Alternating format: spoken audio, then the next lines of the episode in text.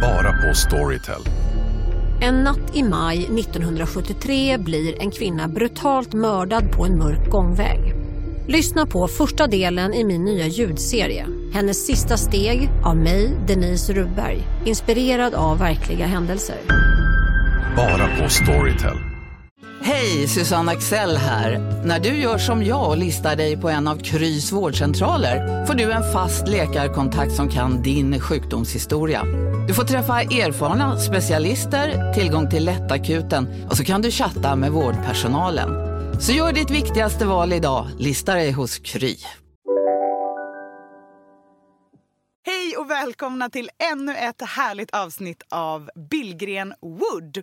Och det är jag som är Billgren. Elsa Billgren heter jag. Och det är jag som är Sofia Wood. Eh, och det här är ju vår trendpodd där vi eh, spanar på alla möjliga slags eh, samtidsfenomen som vi är intresserade av. Ja, det är mycket sånt som man ser i sociala medier, mm. likar, blir väldigt inspirerad av. Och vi vill ju inte riktigt stanna där utan vi vill också grotta oss in i varför gillar vi det här så himla mycket just nu? Var kommer det ifrån? Vad bottnar det i? Och hur ser det ut framåt? Mm, verkligen. Vad är nästa grej? Vad är nästa jag? stora grej? Sånt tycker jag är så spännande. Och det här är ju verkligen ett bevismaterial då framöver och se mm. om vi har rätt eller inte. För den här podcasten kommer ju finnas i evighet. Ja, tar aldrig slut. Tar aldrig slut. Och då Nej. kan man titta tillbaka och se om vi hade rätt eller fel. Mm. Vi kommer ju också rådfråga experter och entusiaster och så. Så att vi inte bara sitter här och babblar och gissar och tror utan också frågar och undersöker. Precis. Varje avsnitt så ringer vi en person eh, som vi tycker är eh, extra insatt i precis det här. Det kan vara att man faktiskt är akademiskt insatt i det. Eh, eller att man eh, som personen vi ska ringa idag är en enorm entusiast. Mm. Och dagens avsnitt handlar om det dukade bordet. Och det yeah. är ju verkligen ditt expertämne, Sofia. Mm. Det här känns ju som att jag skulle kunna spela en tio avsnitt om. eh, det ska bli jätteroligt att prata om det här idag. För att vi har ju sett en enorm förändring eh, på ganska kort tid ändå, tycker jag. Eh, och det dukade bordet som vi kommer att prata om idag handlar ju dels om liksom hela upplevelsen av vad det är för någonting vi försöker skapa. Vi kommer att vara väldigt konkreta i allt från duk och porslinstips. Göra en djupdykning i keramikens värld. Eh, och eh, kolla lite vad vi själva vill och tänker framåt också. Ja, och nu är det ju snart nyårsafton så mm. det är ju mm. perfekt timing för det här mm. inspirationsavsnittet mm. om det dukade bordet. Mm. Då kör vi då! Välkommen!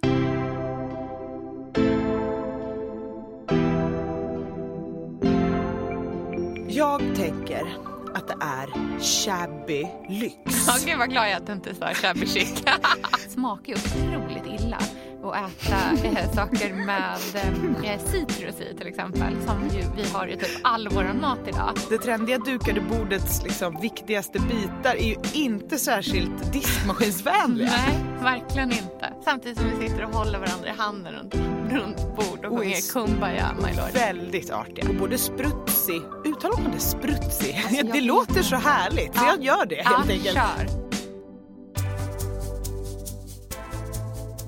Vi brukar ju börja med att blicka bakåt för att liksom härleda trenden. Mm. Och det dukade bordet, när liksom börjar det? Det är ganska svårt tycker jag i och med att det är så brett. Vi äter ju varje dag. Mm, verkligen. Men om jag tänker tillbaka på liksom, eh, kanske min uppväxt framförallt under 90-talet eh, så tänker jag nog att ett så genomtänkt dukat bord det var nog någonting som fanns på födelsedagar, högtider. Att det var ganska liksom, eh, inte så mycket till vardags och, eller framförallt inte heller ens till varje helg. Och det var ju ganska mycket enklare egentligen än vad vi liksom gör idag. Ja, det var väl ett fyrkantigt furubord med fyra plasttabletter och en eh, hushållsrullen på mitten. Ja, precis. Och när det var kalas så gjorde man en strut av en pappersservett och satte i glaset. Kanske en, en eh, sån här liten pappersgirlang. Ja, en liten serpentin i blått, blått och gult för Exakt. att dekorera. Absolut. Och det där håller man ju fortfarande med. Alltså, det ju en del av vår dukningskultur i Sverige skulle Absolut. jag säga. Det är det, ju en tradition. Ju... Mm. Men vi har ju på senare år fått mer och mer influenser från andra delar av världen där kanske dukning har varit lite mer, man kanske har haft lite mer fest generellt ja, än i Sverige. Verkligen. Det där känns ju ganska, det vi pratar om nu känns ju ganska så barn kalasaktigt. och det håller ju fortfarande för ett barnkalas. Men man har ju utvecklat kanske en lite mer vuxen dukning skulle jag säga. Ja, och framförallt så tänker jag att bordet hemma har fått en större plats som ett ställe att ställa upp sina fina grejer på även när man inte äter. Tidigare så var ju matbordet en mer praktisk eh, yta där man liksom har avtorkningsbart, det är vaxduk, eh, det är en lampa som ska hänga 70 centimeter över. Aha. Det fanns väldigt tydliga regler på det sättet ändå. Eh, Men idag så är ju de dukade borden en en helt annan form av inspirationshärlighet Ja, fylld av verkligen. blombuketter och ljus. I alla fall i sociala medier. Och det är framförallt det vi spanar om. Mm. Vi, pratar ju inte, vi har ingen aning om hur det ser ut hemma hos varenda en av alla som lyssnar. Utan Nej. vi pratar om hur det ser ut i våra flöden och sånt som vi inspireras av. Exakt.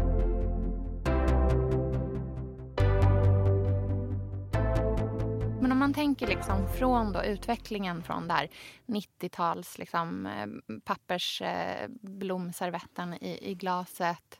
Eh, kanske de här vinglasen som var väldigt stora. De här Kosterboda, Orrefors. Vinglasen som, eh, vinglasen som eh, rymmer ett, en hel flaska Exakt. vin. Kommer jag ihåg, jag var väldigt imponerad av när jag var yngre. När det här verkligen räckte med ett glas. Lyxigt att kunna hålla med två händer runt vinglaset. Bara skvalp. Eh, och sen även tänker jag eh, väldigt mycket liksom kanske det här ett finporslin som man tog fram eh, till speciella tillfällen men som man inte använde så mycket till vardags. Men liksom vad, hur, om du tänker liksom så här, om det är liksom något slags så här 90-tals look då, då om man ska säga så. Under liksom 2000-talet, vart går vi in då? Eh, när jag började inspireras av dukade bord på bloggar och Mm. sociala medier så jag tänker väldigt mycket på Underbara Klara som var väldigt Gud, tidig ja. med loppis och det här eh, mysiga, lantliga stilen Mm. som var eh, tårtfat, cupcakes, Ja, prickiga verkligen. De här pyttesmå kakburkar. kak, eh, kaffekopparna. små kaffekoppar. Mycket att man började namedroppa porslin och så kom den här Rörstrandstrenden, Gustavsbergstranden att man skulle vända på koppen på loppis och det började vara så här, åh vad dyrt det är med Berså-servisen och den vurmen började komma igång. Men samtidigt så fanns det en så här retrostil där det inte behövde vara äkta på riktigt. Nej. Att det kunde vara en, en plåtkakburk där det står liksom cookies på och sen är den prickig och eh, Ska ha någon slags 50-tals Ja, liksom, var estetik. precis. Ja. Och, och så eh, Leila bakar, hela den tiden när det var väldigt mycket pasteller Mm. i och spatlar med så härliga måttsatser och att eh, hand, kökshanddukarna kunde ha olika mönster och färg. Man kunde köpa dem lite billigare på Lagerhaus, ha många Ja, olika. det. det Mm. kändes som att det helt plötsligt blev en eh, lekfullhet Mm. i köksdetaljer och attiraljer. Och där någonstans kanske det började, i alla fall för min del, att få upp ögonen för det dukade bordet och att Ja. göra fint på Ja, köksbordet. Mm, för mig blir det en ganska så här, romantisk mormors look eh, där allting är väldigt eh, eh, mix och matchat. Liksom. Det kanske bara finns en av varje kopp. Och att det nästan gärna skulle vara så. Att det skulle vara liksom inte ett glas skulle vara det andra likt. Och att man verkligen hade så här handplockat varenda liten grej. Alltså så här, tänker jag tillbaka till hur det såg ut och så undrar jag, så åt man riktig mat överhuvudtaget eller var det bara fika hela dagarna? Jag kommer ihåg när jag Småkakor bodde- och cupcakes. När jag bodde i min ett och en halva eh, så hade jag ju självklart ett turkost kök. Ja. Jag fick ju välja själv hur Ja. det skulle se ut. Ja. Och eh, H&M Home ringde mig och frågade om de fick ta sina kökskampanjbilder. Jag tror att det här var Wow. Första eller Ja. andra säsongen som Ja. de började sälja eh, inredning Mm. på H&M. Eh, och då skulle de ha den här cupcakeiga stilen. Så då fyllde de mina redalådor i köket och sånt med cupcakes. Och det var pri- rosa duk med vita prickar, mycket turkost och vitt. Eh, mycket tårtfat. Just det. Och det minns jag så himla starkt som en tydlig eh, tidsmarkering.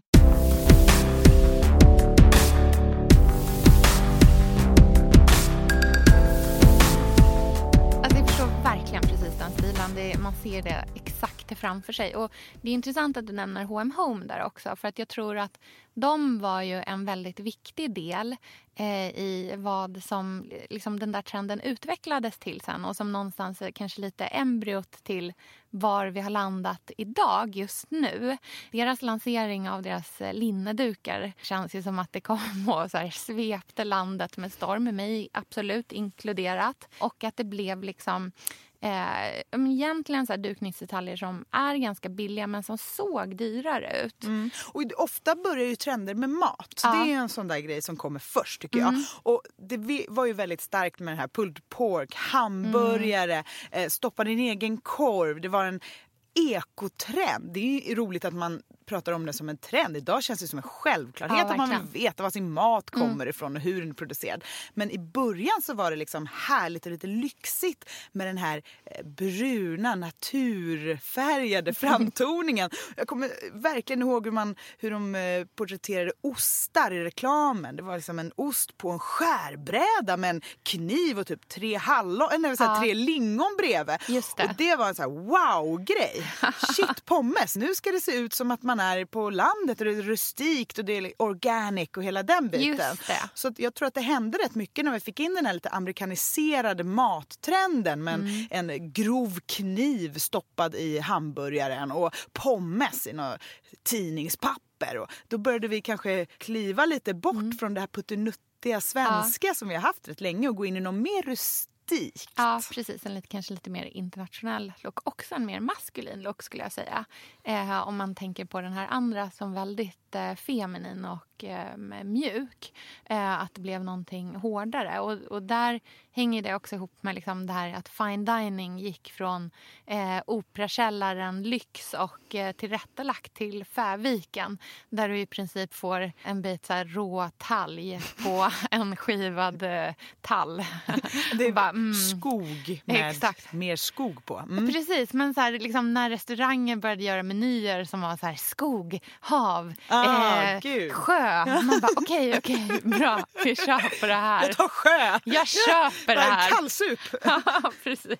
Men typ. Det var ju verkligen där någonstans den här trenden som vi är i nu Mm. började. Exakt. Och nu är vi ju i de här lite mer eh, sobra eh, dukningarna som är eh, ganska avancerade egentligen. Men vi har en väldigt avslappnad approach till dem. Linnedukarna är otroligt skrynkliga. De har nog aldrig blivit strykta. Eh, samma sak med linneservetterna. Så det är ju liksom, så det är en linneservett men den är bara slängd på tallriken. Det är inga liksom... Ja, allra helst ska man ju köpa en rulle linnetyg Ja. som man bara river av Exakt. fyrkantiga bitar och sen torktumlar in i Norden så att den ska se riktigt Exakt. liksom härligt så Ja. Sletet, Ja. fast det är helt nytt såklart. Ja. Och sen så ska det ligga som i en liten knut Ja, bredvid precis. tallriken. Eller liksom ett, så här, ett grovt litet rep som man bara har knutit runt och stickt ner en kvist eukalyptus eller gran gärna.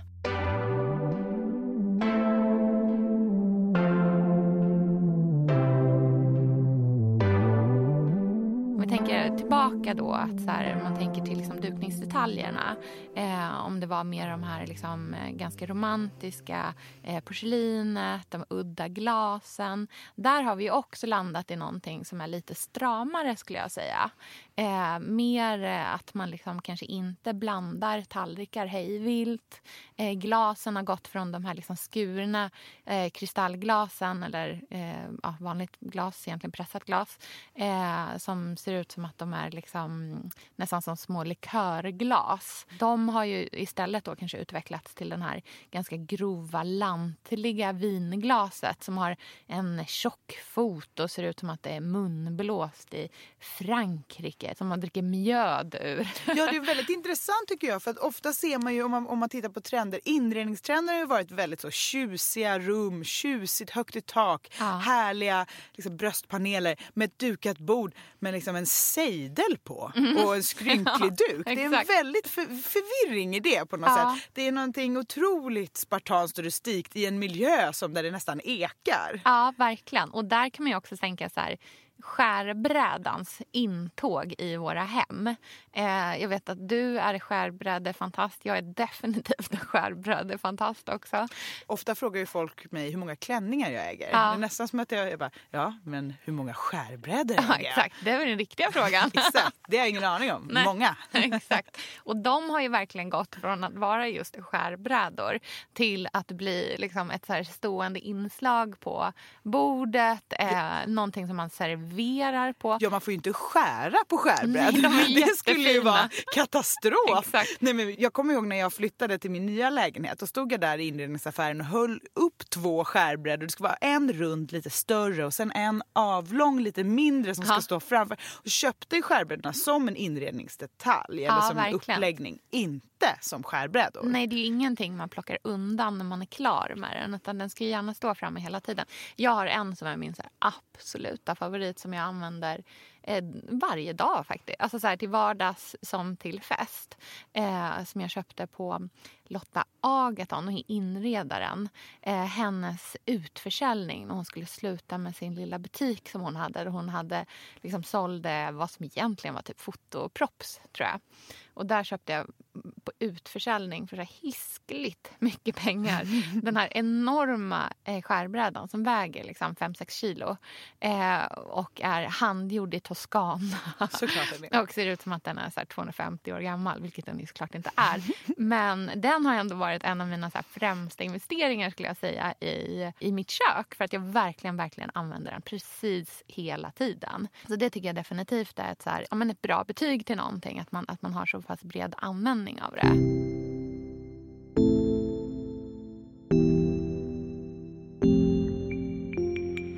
Ska man prata om det dukade bordet och idag så måste man ju nämna Artilleriet Kitchen. Ja, herregud. Vad hände egentligen? Nej, jag vet Artilleriet inte. Kitchen kom och alla svimmade. Ja, alltså det är faktiskt helt otroligt. Artilleriet är ju, eh, om man inte känner till det, en eh, jag skulle säga webbshop. Men de har ju faktiskt en fysisk butik Ja, också. det är bara för att vi bor i Stockholm så Exakt, det är en webbshop. Ja, exakt. Eh, det är en eh, affär i Göteborg som har eh, liksom dels en inredningsdel som de har haft ganska många år som, har, som är otroligt framgångsrik. Eh, men sen så för inte så länge sen, kanske ett par år, så lanserade de ju sin kitchen-del. Och den är ju bara spot on med varenda grej. Ja, det finns ingenting där som man inte vill Nej. ha Och de gångerna jag har varit inne i den fysiska butiken har jag alltså nästan gråtit av ha-begär. Av att jag, så här, jag vill ha allt. Jag vill köpa den fasta inredningen. Vad är exakt vilken färg har de på sina luckor? Deras inköpare måste Mm. ju vara bäst i Sverige skulle jag säga. Verkligen. Min barndomsvän Lisa var inköpare på Artilleriet eh, förut. Eh, och Coolt. hon är ju den som jag känner som har absolut bäst stilkoll Ja. av alla. Ja. Hon har sån fingertoppskänsla och där handlar det ju om att man inte tittar på trender utan att man går på egen känsla och Ja. har mycket liksom konstnärlig Men- känsla i blodet. För det är ju mixen av de här ja, New York industrilamporna Mm. med någonting franskt porslin men det, svensk kokbok. Det är en otroligt härlig mix som gör att Ja. köket framstår som att den som bor här och verkar i det här köket och dukar det här bordet. Ja. den kan så mycket om mat och den har rest och sett hela världen och den förstår sig på hantverk och den kan duka fantastiskt vackert och den har så mycket vänner som Ja. kommer och äter middag. För det är ju det det dukade bordet står för också. Ett lyckat, härligt liv Mm. där man umgås. Det liksom rör sig på ett härligt sätt. Det är levande, det är vänner, det är musik, det är Mm. god mat. Och tittar man tillbaka på det här 90-talsdukade bordet som är väldigt tydligt med olika kuvert. Det är en tablett i en Mm. viss färg, sen är det en platt tallrik, djup tallrik, eh, brödtallrik. Det är olika glas för olika grejer. Det är väldigt ordnat allting. Då kanske det fanns en mer trend att det skulle vara ordnat. Att Ja. det fanns som en högstatuspryl. Nu är ju en högstatuspryl att man bara har ett levande, rörligt liv där man Ja. ser hela världen, plockar på sig små härliga souvenirer och liksom kan bjuda in. Ja, men jag tänker att det hänger ihop mycket med det vi har pratat om i tidigare avsnitt också. Just att man har, att liksom i vår, så här, vår tid just nu är vi junkies på att skapa atmosfär. Det är ju det enda vi vill någonstans. Eh, och att det är det allting bygger på. Och då är ju då liksom, till exempel då de här stora liksom, serveringsfaten. Eh, att istället för att ha stel eh, servering där det är liksom fasta tallrikar, tre rätter. Eh, nu är det här, nu är det här, nu är det här som händer. Att man istället har de här liksom family style serving där alla tar istället för att liksom Ja, men ingen ska känna sig obekväm utan att det är avslappnat men varmt ändå och liksom att man har ansträngt sig.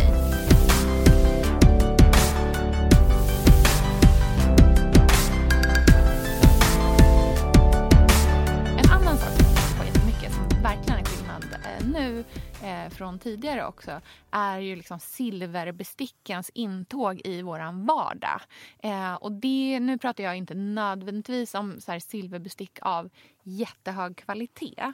Eh, silver kan ju gå för liksom hur mycket pengar som helst om det är av bättre kvalitet.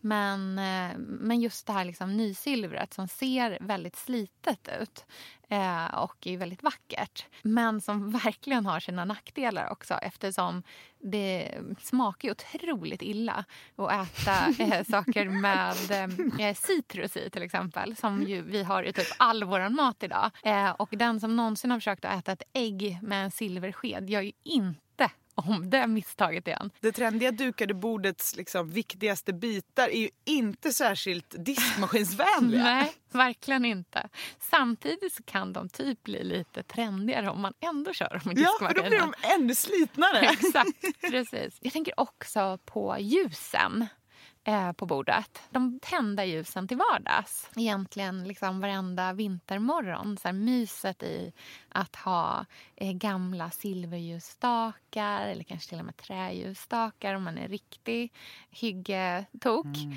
Och ha massor med tända stearinljus. Mm. Gärna handstöpta. Det har gått från att vara värmeljus i kopp Mm. Väldigt mycket under hela 2000-talet ja, kan jag tycka. Gud, de här, är det Orrefors eh, som gör... Ittala. Ittala. Mm. Oh, herregud, jag hade typ 50 Nej, stycken Jag har såna. jättemånga hemma ah. och jag älskar dem nu igen. Ja, de kommer tillbaka. de är på väg tillbaka. Bra. Jag fyndade ju två liljanljusstakar för 30 oh, kronor på Baklycke loppis och det är det jag skryter om mest i hela mitt liv. Jag, tror jag. Ja, jag är så glad över dem. För det var också precis när de började komma tillbaka, mm. nyproduceras och då är man extra glad när man hittar dem sådär gamla och mm. snyggt slitna original original. Eh, så att den typen av mässingsljusstak, även de här klassiska skulpturerna som man skruvar upp, Just det. Mm. är också en sån grej som verkligen har varit starkt. Mm, verkligen. Så från värmeljus till vanliga stearinljus till nu när det är såna här extremt långa ljus ja. också som man ska ha. Ja, ju, nu är vi liksom i så här jule nyårstid. Eh, och jag är ju besatt av att ha liksom ljus som är många grenar också. Och någonting som jag letar efter, som jag så fruktansvärt gärna vill ha. Om någon vet vart det här säljs i Stockholm så måste ni tipsa på vårt Instagramkonto Billgren Wood. Vart kan jag få tag på bivaxljus som är sån här rullat liksom bivaxpapper. Ah. Den doften ah. är det mest fantastiska som finns. Måste jag åka till julbasaren på Waldorfskolan, då får det bli så. Men jag vill ha de här nu.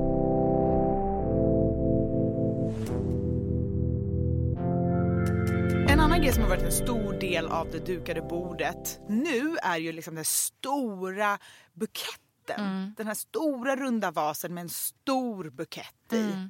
Så att man ska ha ett mässingsunderlägg mm. från eh, Svenskt Tenn. Ja. En stor jäkla bukett mm. i en stor vas. Mm. Härliga ljus. Mm. Och vad har vi mer trånat över på sistone? Ja men vi har väl också känt att liksom brickan har ju gjort sitt återtåg också. Eh, och gärna brickan som liksom alltid står kvar på bordet. Eh, kanske en gammal silverbricka där man har eh, ljus som är nerbrunna på. Jag har ju någon vurm för att man ska ha honungsburkar framme hela tiden. Och Då ska det helst vara honung som inte är liksom originalförpackningen. Utan det ska vara honung som du antingen har så köpt från en biodlare eh, eller hällt över i något snyggare. Hällt över är bra. Alltså, så härligt. Med en sån honungsslev, liksom, vad de heter. Självklart. Ja, verkligen. Men någonting man absolut måste liksom gå djupt på när vi pratar om det dukade bordet nu, det är ju hantverksporslinet. Herregud vad det har blivit en grej. Ja, det fula porslinet skulle ja. jag säga. Det som man för kanske tio år sedan ratade på mm. loppis kom ju så starkt. Det här mm. rustika, maskulina, mörka bruna toner, riktigt tjockt. Mm. Liksom. Det var ju väldigt svårt att förstå att det skulle bli en stark trend tycker Verkligen. jag innan det slog igenom. Ja, jag har ju personligen de här Arabia-tallrikarna i brun, eh, matt stengods som är väldigt, väldigt tunga och eh, som jag älskar. Men jag vet till exempel att min svärmor Eh, ho- hon är väldigt skeptisk. De, det är 70-tal liksom. Hon köper inte att vi har dem hemma. Nej men det finns ju någonting i mig som tror att alla tycker väl att det är finare med en snirklig blåvit restaurangtallrik. Ja. Tycker man inte det? Nej, jag tycker faktiskt inte det.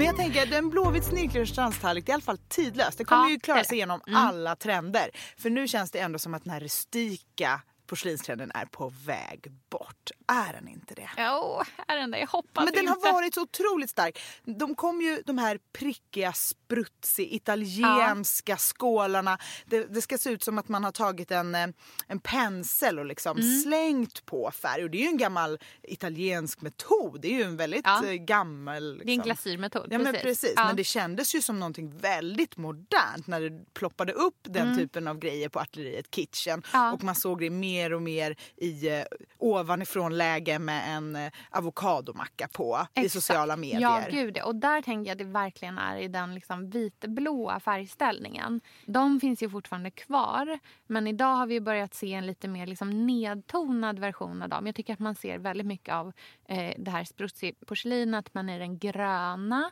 och nu även i den bruna färgen som ju liksom knyter an lite till så generellt vad man ser i keramiken idag tycker jag är de här jordiga tonerna eh, och liksom neutraler. Att det sällan är kritvitt utan att det är krämvitt eller så här benvitt. Och att det finns en mjukhet i det. Och i det så finns ju också det här japanska porslinet som har blivit otroligt trendigt just nu som heter Hasami.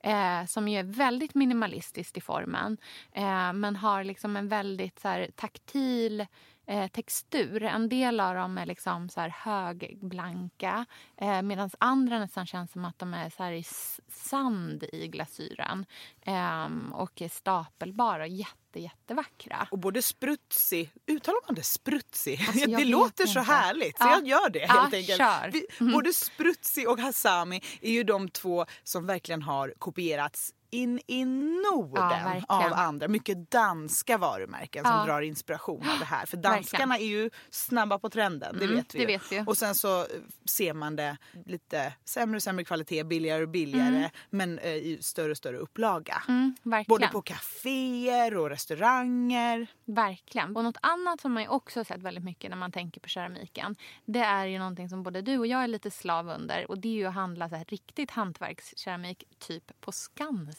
Mm, jag älskar Skansen Jag så mycket. jag såg en sån fin smörburk på Skansen häromdagen och jag äter inte ens smör. Nej. Alltså jag har smörfobi Nej. men jag är besatt av den här smörburken. För jag tänker, den är så här låg, vit glasyr, litet lock med en så här knopp på. Jag har den! Nej. Jag har den! Din jäkel. Jag ska sno den. Nej men den vill jag ha härliga salta spanska mandlar Ja, så i på härligt. min Mm. ostbricka. Mm.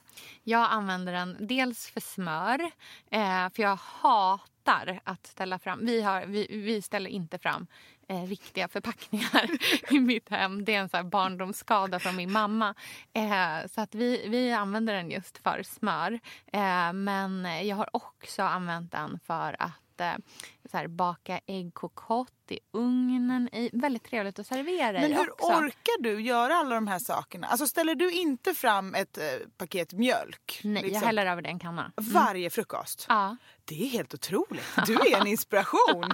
Du har den där lilla extra Jag har- orken som vi jag andra tror jag har inte... OCD. Ja, det kanske är det det är. Ja, exakt. Elsa, vi är ju sponsrade av Bosch. Älskar. Älskar att vi båda nu har varsin serie 6 köksmaskin. Det har varit hembakt morgonbröd hela veckan. Det är det lyxigaste jag kan tänka mig. Är inte det en god barndom, så säg. Ja, alltså, om det här inte är idyllen. Men grejen är så här. Jag vill ju ha alla de här sakerna. Jag vill ha nybakt, hembakt bröd på morgonen. Ja. Men just nu i mitt liv så är det mycket som får stryka på foten. För att jag har inte tid. Men med den här otroliga maskinen så hinner jag baka bröd. Den sköter liksom allting själv. Jag behöver inte ens knåda. Jag sätter på den och den gör knåderörelserna åt mig. Alltså, serie 6 har ju sju stycken sensordrivna automatiska program. Ja, det När jag hör den hör meningen, det. ja, då känner jag så här, jag kan inte misslyckas. Nej! Den, alltså, degen blir perfekt. Mm. Det är som att jag har lagt ner jättemycket tid och energi på det här brödet när det jag har gjort är att hälla saker i en skål och trycka på en knapp. Underbart. Mm. Nej, men man bakar ju som ett proffs och jag tycker om att baka enkla grejer och de Ja. blir ännu enklare med Bosch serie 6. Alltså, jag har ju haft Bosch i mitt liv ganska länge Mm. och speciellt på landet. Så för mig är det förknippat med att det blir gott, det är mysigt Mm. och det är tryggt för det blir riktigt bra varje gång. Man väger ju också sakerna direkt i skålen, så det blir Mm. inte tusen olika saker som måste diskas och som är krångliga. Det är verkligen sänka ribban. Men Bosch har ju tänkt ut vad vi skulle kunna misslyckas Ja. med och eliminerat de faktorerna så att det blir bra varje gång. Och Man kan ju också prova hemma i 100 dagar Mm, med fri returrätt. Ja. Och, så att Bosch vill ju verkligen att vi ska vara nöjda med produkten. Det är väldigt bra att man kan få testa på hemma så Ja, att man kan vara verkligen. extra säker på att det funkar. Mm. In och läs mer om Bosch köksmaskin serie 6 och köp den hos Power. Mm, tack Bosch. Tack! Sofia, vi har ju den stora äran att Mm. jobba tillsammans med Krav. Mm. Det är Det- så fantastiskt att de sponsrar den här podden tycker jag. Mm, det, jag är så stolt över det. Jag är också väldigt, väldigt stolt. Mm. Kravmärkt mat, det är ju mat som produceras utan naturfrämmande bekämpningsmedel och som Mm. bidrar till en biologisk mångfald. Mm. Och jag väljer ju Krav när jag handlar för att jag vet att det blir bra i varje led. Ja. Från jord Mm. till bord. Mm. Det blir godare och det blir bättre för alla inblandade. Ja. Nu är det ju tiden för vårprimörerna. Mm. Nu börjar de allra första komma. Mm. Och när man köper kravmärkta vårprimörer, Mm. då är det som att man får smaka på våren så som den ska smaka på riktigt. Ah. Den första kravmärkta svenska sparrisen, Ah. det är en högtidsstund. Det är det. Och sparris som är kravmärkt, man ser det på primören. Den är grönare, den är knotigare, den har karaktär. Mm. Den är så god att Mm. äta rå. Mm. Det behövs inte mycket mer än Nej. lite smör och flingsalt och så har man en förrätt. Vet du vad jag gjorde faktiskt på kravmärkt svensk sparris? Eh, blancherade i kanske 30 sekunder. Mm. La sen rakt ner i ett isbad. Mm. Skivade jätte, jättetunna skivor. På med kravmärkt olivolja, Mm. flingsalt och ett kravmärkt pocherat ägg. Och tänkte verkligen, Ja. allting på den här tallriken Mm. är kravmärkt. Allting smakar otroligt. Så Man- himla gott. Verkligen. Mm. Det finns så himla mycket gott som jag är sugen på. Och jag tänker verkligen att vi alla ska ställa krav i korgen jag när vi att det var handlar. så bra Mm. eh, sägning. För det är precis så som man ska tänka. Ställ krav i korgen. Tack snälla krav. Tack Krav. Sofia, den här veckan har vi ett jättefint och viktigt samarbete med Plan International, Mm. en av världens största och äldsta barnrättsorganisationer med verksamheter i över 80 länder.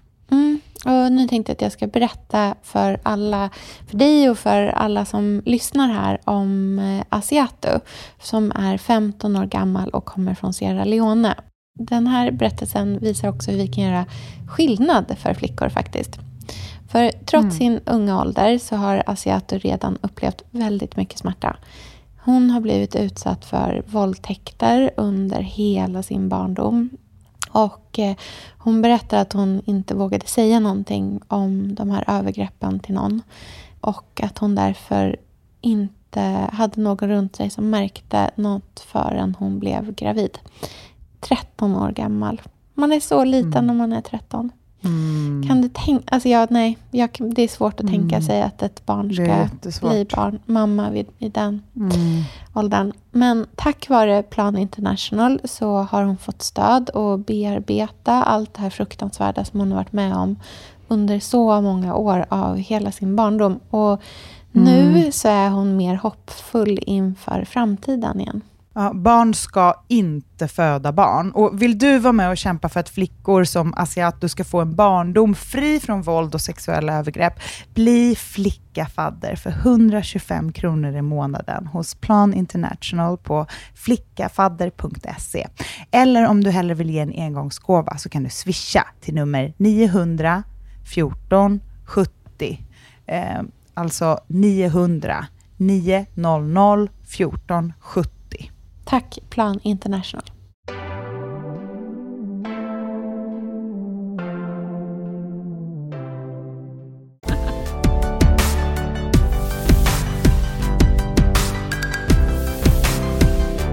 Men du Elsa, nu när vi har pratat om allting som vi älskar just nu, ska vi inte gräva ner oss i det riktigt roliga framåt? Jo, Vad tror vi då? Ju, det är ju en väldigt viktig del av den här podden tycker jag. Att Ja, vi verkligen. verkligen. kommer vara tvungna att säga konkreta exempel på vad vi tror kommer bli trendigt. Och det är ju svårt. Men jag har en grej som jag tror på och jag har trott på det här länge. Så Okej. frågan är om jag har liksom missat tåget och att det inte kommer alls. Men jag har, ända sedan min syster som som sagt är en loppisguru av rang. Mm. Hon fyndar 80-tals Rosenthal porslin. Mhm. Tyskt 80-talsporslin. Hon älskar ju allt vitt porslin Ja. men även det som är lite crazy färger. Mm. Eh, De här Rosenthal-påsarna är ju en klassiker. Det är alltså det. en ett porslinsvas som är en påse som ser ihopknycklad ut. Och såna har hon fyndat som är liksom målade i starka färger. mycket de här ja, men, rött, gult, blått. Jag har trott mycket på det här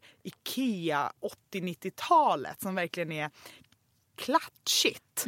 Eh, och det har liksom inte kommit än. Jag tänker det måste komma snart. Att vi blir mer och mer 80-talsmodiga Ja. i det. Men kanske att jag då gissar på det här Rosenthal 80-tals klatschiga men med en mer sober, mer modernism-look. Mm, jag förstår vad du menar. Lite mer Picasso, lite mer Mondrian, lite, lite mer försiktigt. Lite smakfullare. Lite mer smakfullt men ändå liksom starka färger, mönster, målat, handtecknat. Mm. För nu har vi ju sett enfärgat porslin så otroligt länge. Verkligen, det har ju varit de här prickarna Ja, egentligen. prickar. Men i övrigt har det ju inte varit så mycket mönster Och det alls. kanske är liksom starten på nästa som är handtecknade Mm. tallrikar. Konstverk på porslinet. Verkligen. Målat, mönster, Ja. figurer, figurativt. Ja, men där tror jag verkligen att du är inne på någonting. Jag tror också verkligen på det mer konstnärliga porslinet. Att det blir ännu mer unikt eh, och mindre liksom, likriktat. Eh, fast att jag tror att det liksom kanske är mer som en accent. Att man lägger till de här, det här konstporslinet, om man kan kalla det så. Jag tror inte att vi kommer gå tillbaka till det här supermixmatchade. där allting är olika. Eh, utan i det här sobra så finns det ändå en liksom klassighet om man får säga så. Det kanske är liksom superklumpigt uttryck. Men, men att det ändå är en så här smakfullhet i det. Eh, och någonting som jag också tänker på att man liksom har färgat porslin men det kanske inte nödvändigtvis högblankt utan det kan fortfarande få vara matt. Eh, det här Picasso-keramiken som du pratar om det är ju någonting vi säljer ganska mycket på mitt jobb. Det är ju ofta liksom väldigt sådär, nästan naiva former. Det ser ofta ut som djur. En fågel som är en kanna eller någonting sånt. Eh, men det är ju en väldigt så här, otroligt vacker liksom, keramik som har en, liksom, en... Den är matt men den har en så här inneboende lyster i sig själv. Och så är det handmålat med pensel på. Det känns ju väldigt, väldigt eh, intressant att addera det till vart vi är idag i våran look. Liksom. Ja men så är det ju ofta med trender. Det är ju inte att alla bara slänger allt sitt Nej, porslin en dag och köper nytt. gud att det inte utan- är så. Nej men verkligen det handlar ju om att, liksom, att det är en ständig rörelse. Mm. Och något som jag också var så här, supermotståndare för när jag såg det första gången är de här kolbladen. Alltså, porslin Har inte du ett sånt Du nu? har två sådana. ja. Men det är för att jag funnit dem på loppis och jag vet att de är trendiga och dyra annars. så då kan jag inte låta bli. Så nu tycker jag Loppissjukan slår till. om dem. Mm. Men de, när jag såg det första gången var jag så här, panik. För jag är ju uppvuxen på 90-talet och då skulle ju allt porslin se ut sådär. Och jag, så åh, jag ville bara att allt skulle vara vackert inom Ja. citationstecken. Det vara Ja. snirkligt och liksom rokoko, blåvitt och liksom gammelsvenskt. Och de här gröna kolbladen i formen av en skål. Jag kunde inte tänka mig något fulare. Nej. Och så kom det starkt. Självklart eh, fanns det där på Artilleriet Kitchen. Jag Ja. köpte två på loppis. Älskade dem så mycket. nu är de sönderinstagrammade. Ja. Liksom, älskar att visa upp dem.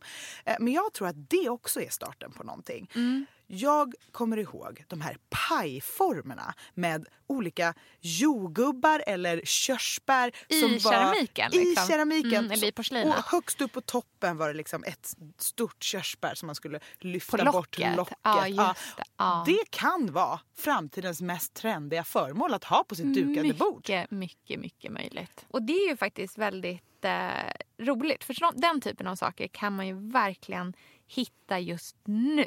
Gud ja, ut Ehm. på loppisarna och köp de här Ja, eller online-aktion. pajformerna. Det finns hur mycket som helst. Ja, och sen så kan du gå till eh, ditt jobb Bukowskis Ja. och eh, lägga ett bud på en Picasso-tallrik om man vill verkligen liksom Lyxa till det. lyxa till dukningen.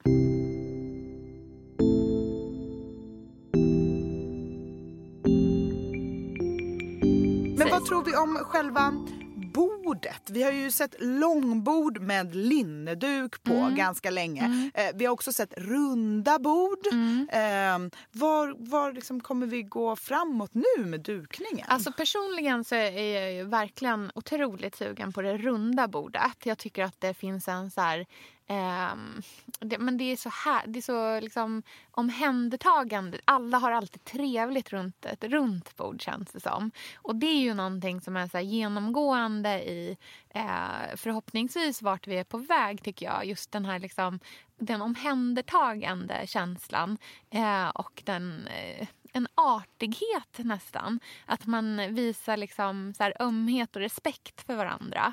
Eh, och då kan det till exempel yttra sig i att man sitter runt ett runt bord så att ingen hamnar utanför.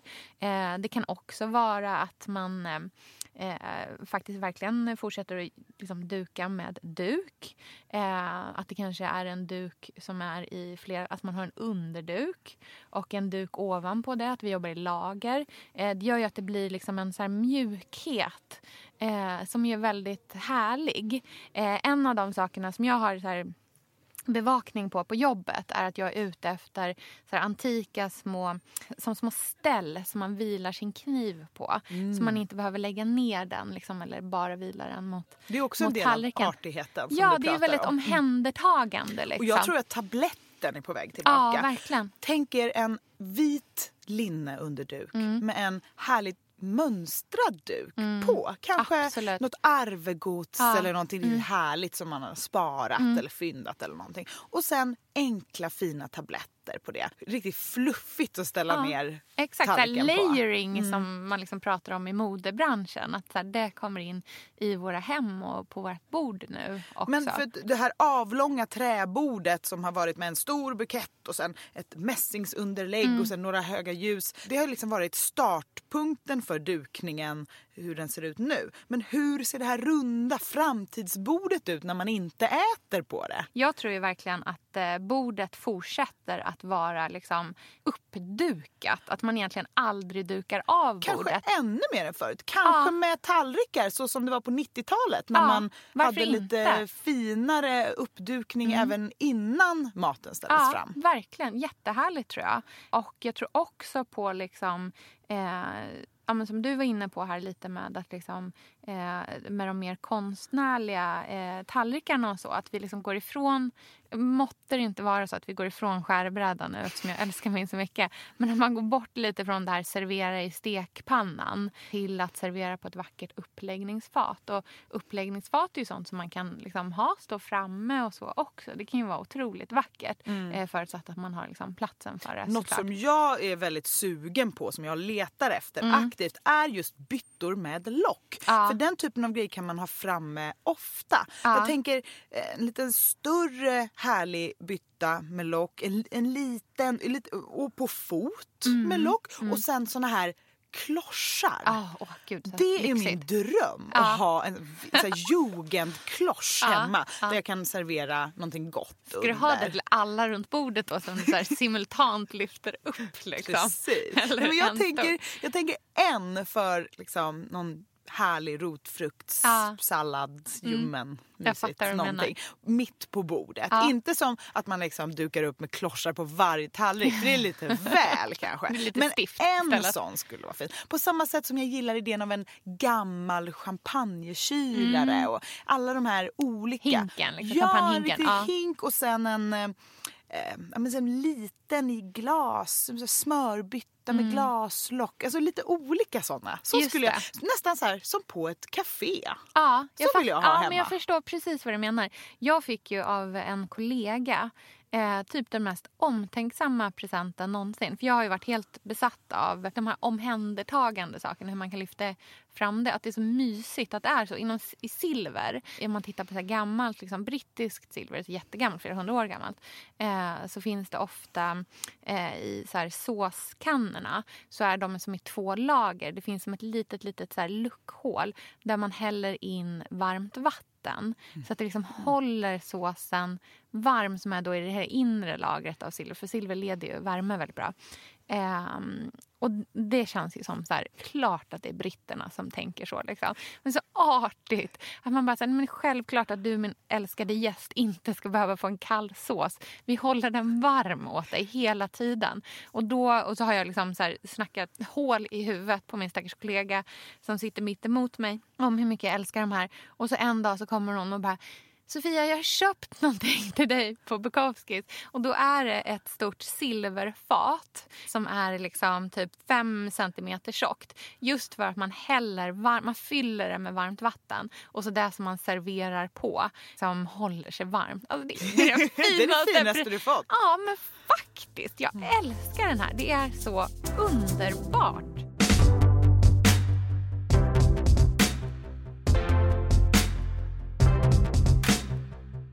Okej, Elsa. I två ord, beskriv 2018 års liksom, look med det dukade bordet. Jag tänker att det är shabby lyx. Ja, Gud vad glad jag är att du inte sa shabby chic.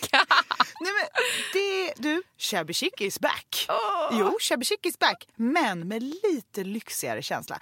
Lite dammig parisisk shabby lyx.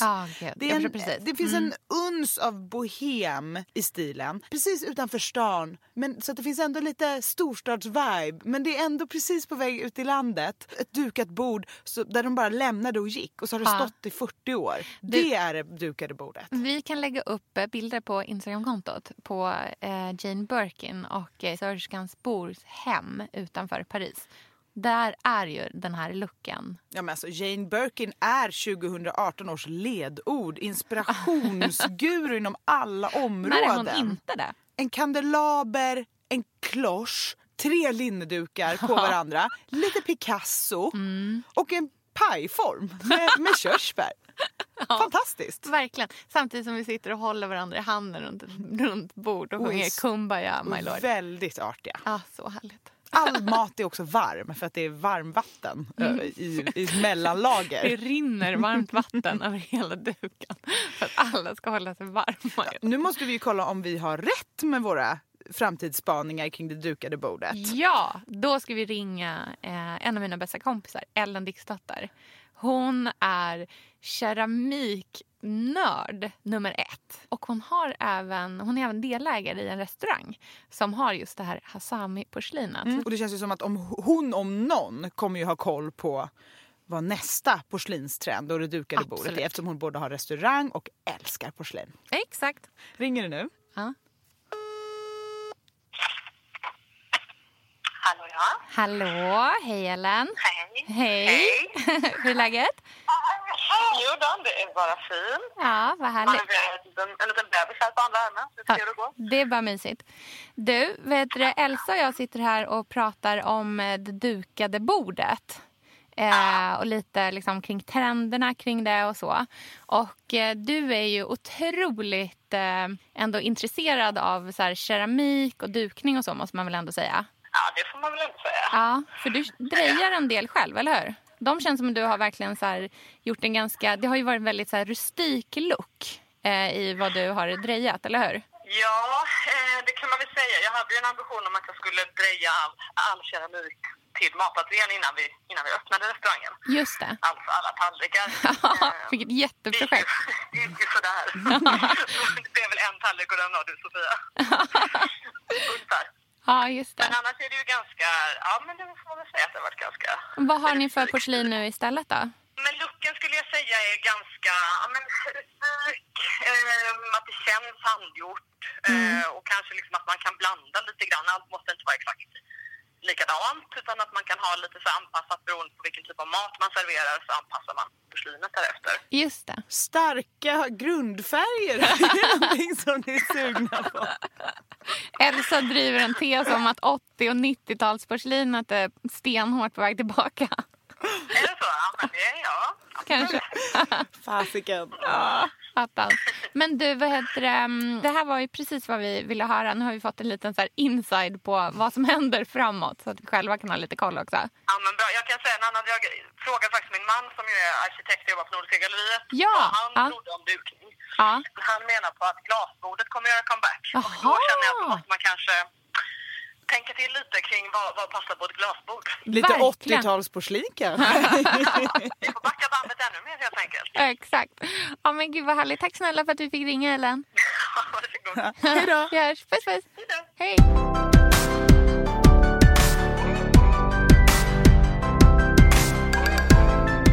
nu är det ju snart nyår. Yes. Eh, och det känns ju som så här, det dukade bordets mesta högtid. Kan det bli mer liksom, relevant? Äntligen får man duka ett riktigt jäkla pangbord. Ja, hur ska det se ut hos dig?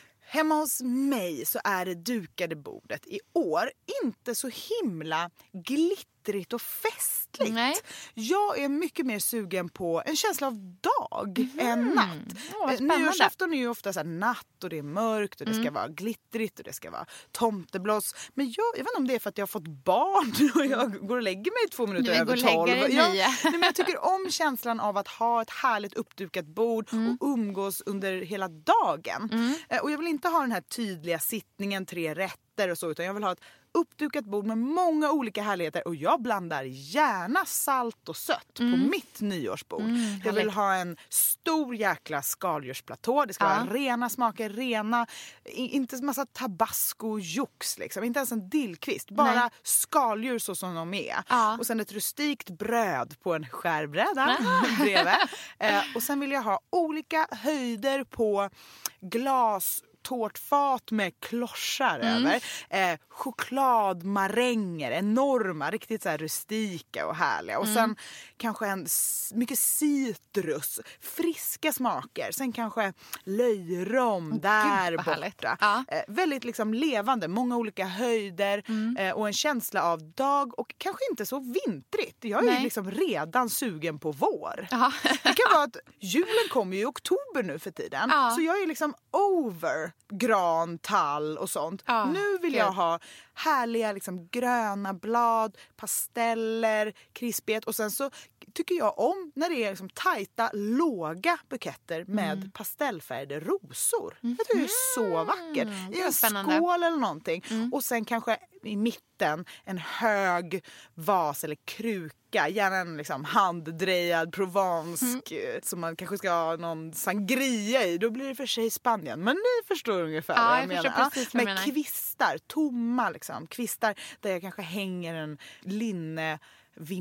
linnevimpel eller någonting i. Så att det blir liksom någonting vintrigt Mm. Ja. också. Ja. Men inget glitter, inga serpentiner, inget sånt. Nej. Bara liksom tidig, tidig vår. För Inga partypoppers. Nej, man får inte duka förrän till midsommar sen. Så jag tänker att det blir liksom från nu till sommaren kommer. Den känslan vill jag ha kvar. på bordet. Ja, Ja. ska, och så ska man bara gå runt och plocka och äta under hela dagen. Ja, det tycker jag är härligt. Och gärna lite liksom, mindre tallrikar att äta på och så stora härliga grejer på bordet att ta ifrån. Mm, gud vad härligt. Så så ser mitt dukade bord ut. Mm. Eh, Jag såg en bild på en, från en bloggare som heter What Katie Ate. Ja, gud, hon är så bra. Exakt så.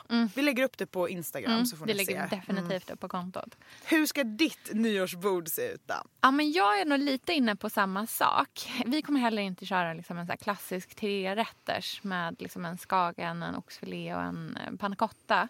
Eh, utan ehm, inte för att det är något fel på det. Det är ju väldigt säkert Gott. det, det godaste som finns. Men ehm, eh, jag är väldigt inne på att eh, servera få saker men väldigt mycket av dem istället. Jag tycker att det finns något som är lyxigt i det. Eh, att det liksom är härligt. Och nu är inte det säsong så det är inte det vi kommer ha. Men det är något som är så fantastiskt med att här, ha en silverskål med fem liter jordgubbar i. Eh, Inte på bara nyårsafton. Nej, väl? inte då. Men liksom, på nyårsafton så kanske jag snarare tänker så här, ja men ostbrickan, då är det inte massor med ostar utan då är det en bit på så här ett och ett halvt, två kilo tryffelpecorino med en så kniv i som man bara skär. Eh, så jädrans trevligt alltså.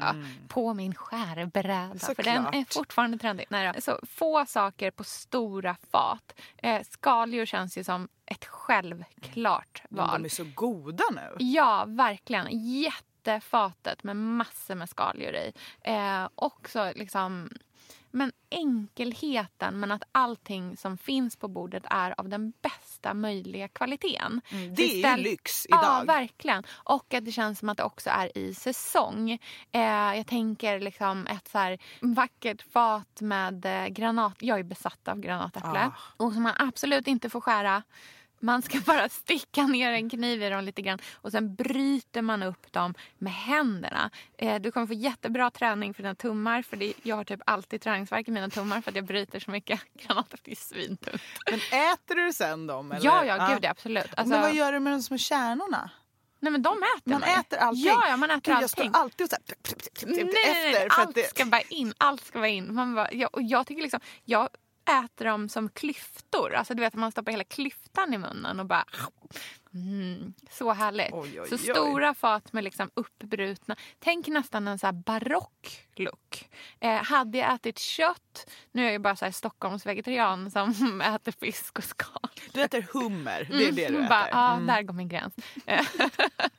Men hade jag ätit kött så, så här, drömmen hade ju varit att ha en hel fasan liggandes på bordet med fjädrarna kvar på. Alltså, förstår du? Då Det här hade är jag den ju här ringt polisen. Ja, exakt. De Det hade ju här, inte varit rimligt Sofia. Nu har hon gått 2.0. för långt. Men det är inte historieätarna Sofia. Nej, men det är shabby. Ja, verkligen. Det är shabby. Och till efterrätt så vill jag också slå ett slag för... Det här är en efterrätt som man ofta eh, serverar på australiensiska bröllop. Eh, då köper man eh, Valrhona-choklad i liksom... De kommer ju i så här stora eh, bitar om flera kilo. Så lägger man bara fram det. Det ser ut som en bräda choklad i princip. Den är tjock. Och sen så använder man en ostronkniv och så hackar man en bit som man tar till en espresso. Så man liksom dricker espresso och så har man en bit choklad till som man bara har hackat av med en ostronkniv. Det kommer se ut som att ditt bord och dina stolar och alla dina gäster är jättesmå eftersom allting på Allt bordet kommer är så stort. enormt. Ja, drömmen. Jag har alltid känt att jag är för lång. Kanske därför jag vill ha så stora saker så äntligen ser lite mindre ut. Ja, nej men så, så tänker jag att eh, vårt nyårsbord ska se ut. Och jag är också verkligen inne på, vi ska faktiskt eh, fira på dagen och eh, ha liksom dagsfest med våra kompisar. Och sen så på kvällen eh, så går vi hem och äter bara middag jag och min man och efter vi har nattat våra barn och tittar på fyrverkerierna. Eftersom vår dotter fyller år på nyårsafton så måste vi väcka henne klockan 12. För vi har ju intalat henne att fyrverkerierna är för hennes födelsedag. Så vi väcker henne vid 12 så får hon titta en liten stund sen somnar hon om igen. Mysigt. Ja, jättemysigt.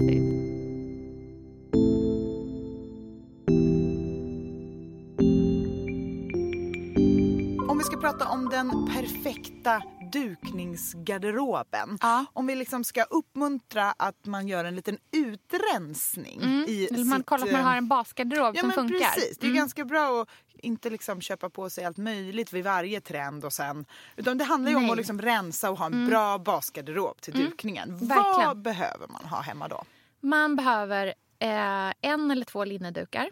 Eh, det kan du idag köpa liksom, second hand men du kan också hitta det i nyproduktion eh, för en relativt liksom, billig peng. Och de håller ju i liksom, oändlighet. Eh, så det tycker jag är ett så här, basmåste. Ja, du vill gärna ha det. Eh, och eh, har du liksom ambitionsnivån, köp även till åtta servetter. Eh, som, som du också kan använda. Det är fint att använda som en tablett också, tycker jag. Um, vad tänker du? Att man... Jag säger, tycker att man kan ha lite olika uppläggningsfat i något klumpigt Mm. vitt porslin. Och inte vitt, vitt, vitt utan liksom mjukt Benvitt, vitt. Och det ja. kan man också köpa second hand. Det brukar jag Verkligen. fynda. Och den typen av tallrikar, ovala former, runda, stora, djupa, lite olika. Det går ju liksom servera precis vad som helst i Mm. det. Och till det några lite klumpiga, större nysilverbestick. Mm. En tårtspade är ganska bra verktyg tycker jag att ha till när man serverar små grejer. Man Mm. kan använda det som en, liksom, som en stekspade fast det är, alltså när Ja, man ja, ja, lyfter gud, fram absolut. grejer och sådär. Och sånt kan man ju också fynda. Jag fyndar det ofta på Ja. Gotland på somrarna till exempel. Mm, det är där man ska vara. Alltså. Och sen en eh, riktigt härlig skärbräda Ja. är väl ändå bra att ha. Ja, investera i det. De håller ju en livstid om man tar hand om dem och oljar in dem ibland så att de inte blir helt torra. Eh, och eh, som vi liksom har återkommit så här oändligt många gånger till det här avsnittet. Men så här, använd det till allting. Servera eh, tårta på eller eh, avokadomacka eller vad det nu än kan vara. Liksom. Eh, och använd det verkligen som en del av, eh, liksom, av din dagliga dukning. Inte någonting som man plockar bort eh, när man är klar med den. Liksom. Och när det kommer till tallrikarna och liksom vardagsporslinet, Mm. vad ska man satsa på att ha? Alltså jag tycker absolut att man inte ska köpa, behöver i alla fall inte köpa porslin nytt. Eh, utan det tycker jag att man köper i liksom större uppsättningar på auktion eller på loppis. Och att man liksom, jag tänker de här bruna liksom 70-talstallrikarna som jag har. De har jag köpt 10 stycken för 100 kronor. Eh, och har, kommer liksom kunna använda dem hur länge som helst eh, i princip. Ja, och då när Ehm. man tröttnar sen när 80-talstrenden kommer starkt, då, ju, då går det ju att sälja vidare eller skänka utan att man gör en större förlust. Att Säga. Exakt, precis. Så behöver man liksom inte tänka att man... Så här, för det tänker jag också är så här, det är så viktigt när man har, när vi pratar om trender här, att det liksom konsumtion, vi förstår att det är ett problem i så här, dagens klimat. Eh, så att försöka att liksom, så här, tänka cirkulärt i vad du handlar. Köp det som redan finns tillverkat och köp kvalitet istället. Eh, hellre liksom äldre kvalitet än ny eh, liksom skräpproduktion som inte kommer hålla ändå. Eh, och gör man det eh, så kan man ju också rent så här, samvetsmässigt tillåta sig själv att kanske handla lite oftare istället och sen sälja det sen.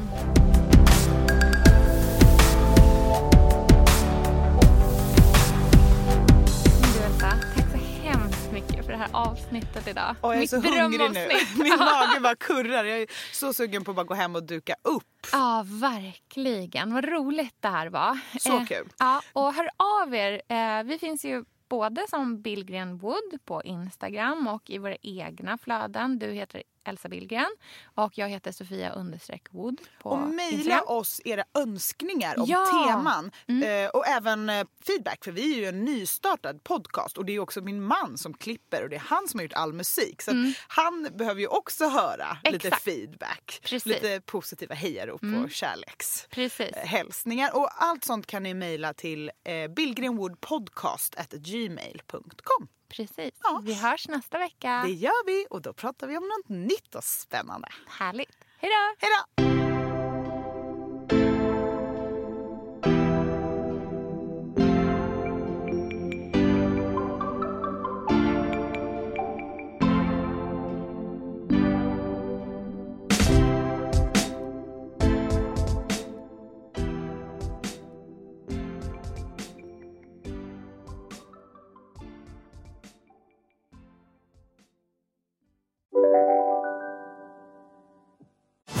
Och välkomna tillbaka till Sibylla där sportbörjaren nu laddar för mål. Otroligt taggad och toppat formen med stekt lök och dubbel cheddarost. Det här blir en riktigt god match! Sportbörjare, ett original i godaste laget. Från Sibylla.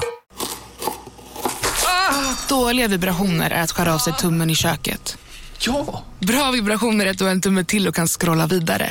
Alla abonnemang för 20 kronor i månaden i fyra månader. Vimla! Mobiloperatören med bra vibrationer. Demideck presenterar Fasadcharader. Dörrklockan. Du ska gå in där. Polis? Effektar? Nej, tennis tror jag. Pingvin. Alltså jag fattar inte att ni inte ser. Va? Nymålat! Men det var många år sedan vi målade. Demideckare målar gärna, men inte så ofta.